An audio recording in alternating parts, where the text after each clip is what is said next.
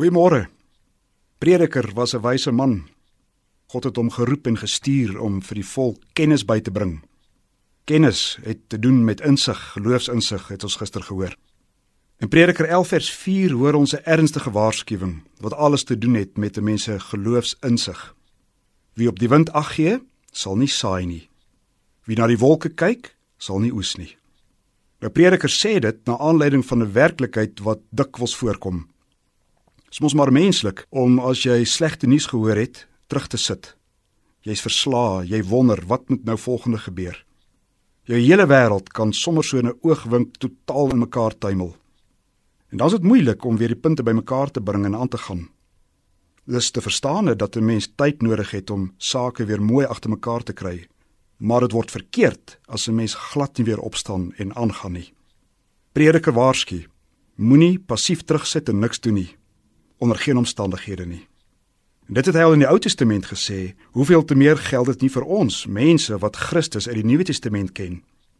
As beproewings oor jou pad kom uit die hand van die Vader, dan moet ons daarmee werk. Uiteindelik moet ons dit verwerk, ons moet dit aanvaar. En dit vat tyd. Seer, seer. Partymal baie seer.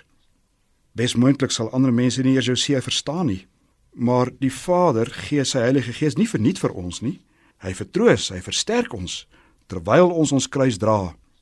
Prediker sê: "En mens kan nie aanhou ag gee op die wind. Jy kan nie net na die wolke bly staar nie, want jy verspil tyd.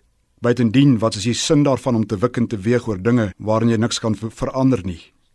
Geen mens kan die rigting van die wind verander nie, en jy sal op jou beste nie 'n enkele wolk na jou toewens of van jou af wegwens nie. Dit weet ons maar al te goed veral in ons land wat gebuk gaan onder droogte." Die teenoorgestelde moet gebeur. Vertrou jou Vader in die dinge waaroor hy regeer en waaraan jy niks kan doen nie. Hy sal op sy tyd sorg dat die wind draai en dat die wind waai en wolke reën bring. Hy sal moenie wonder nie. Hy sal want hy weet wat sy kinders nodig het. Weet dat God regeer, dan sal jy werk, jy sal besigheid doen, jy sal saai en oes. Steek jy maar net jou arms uit die moue en gaan oor tot aksie.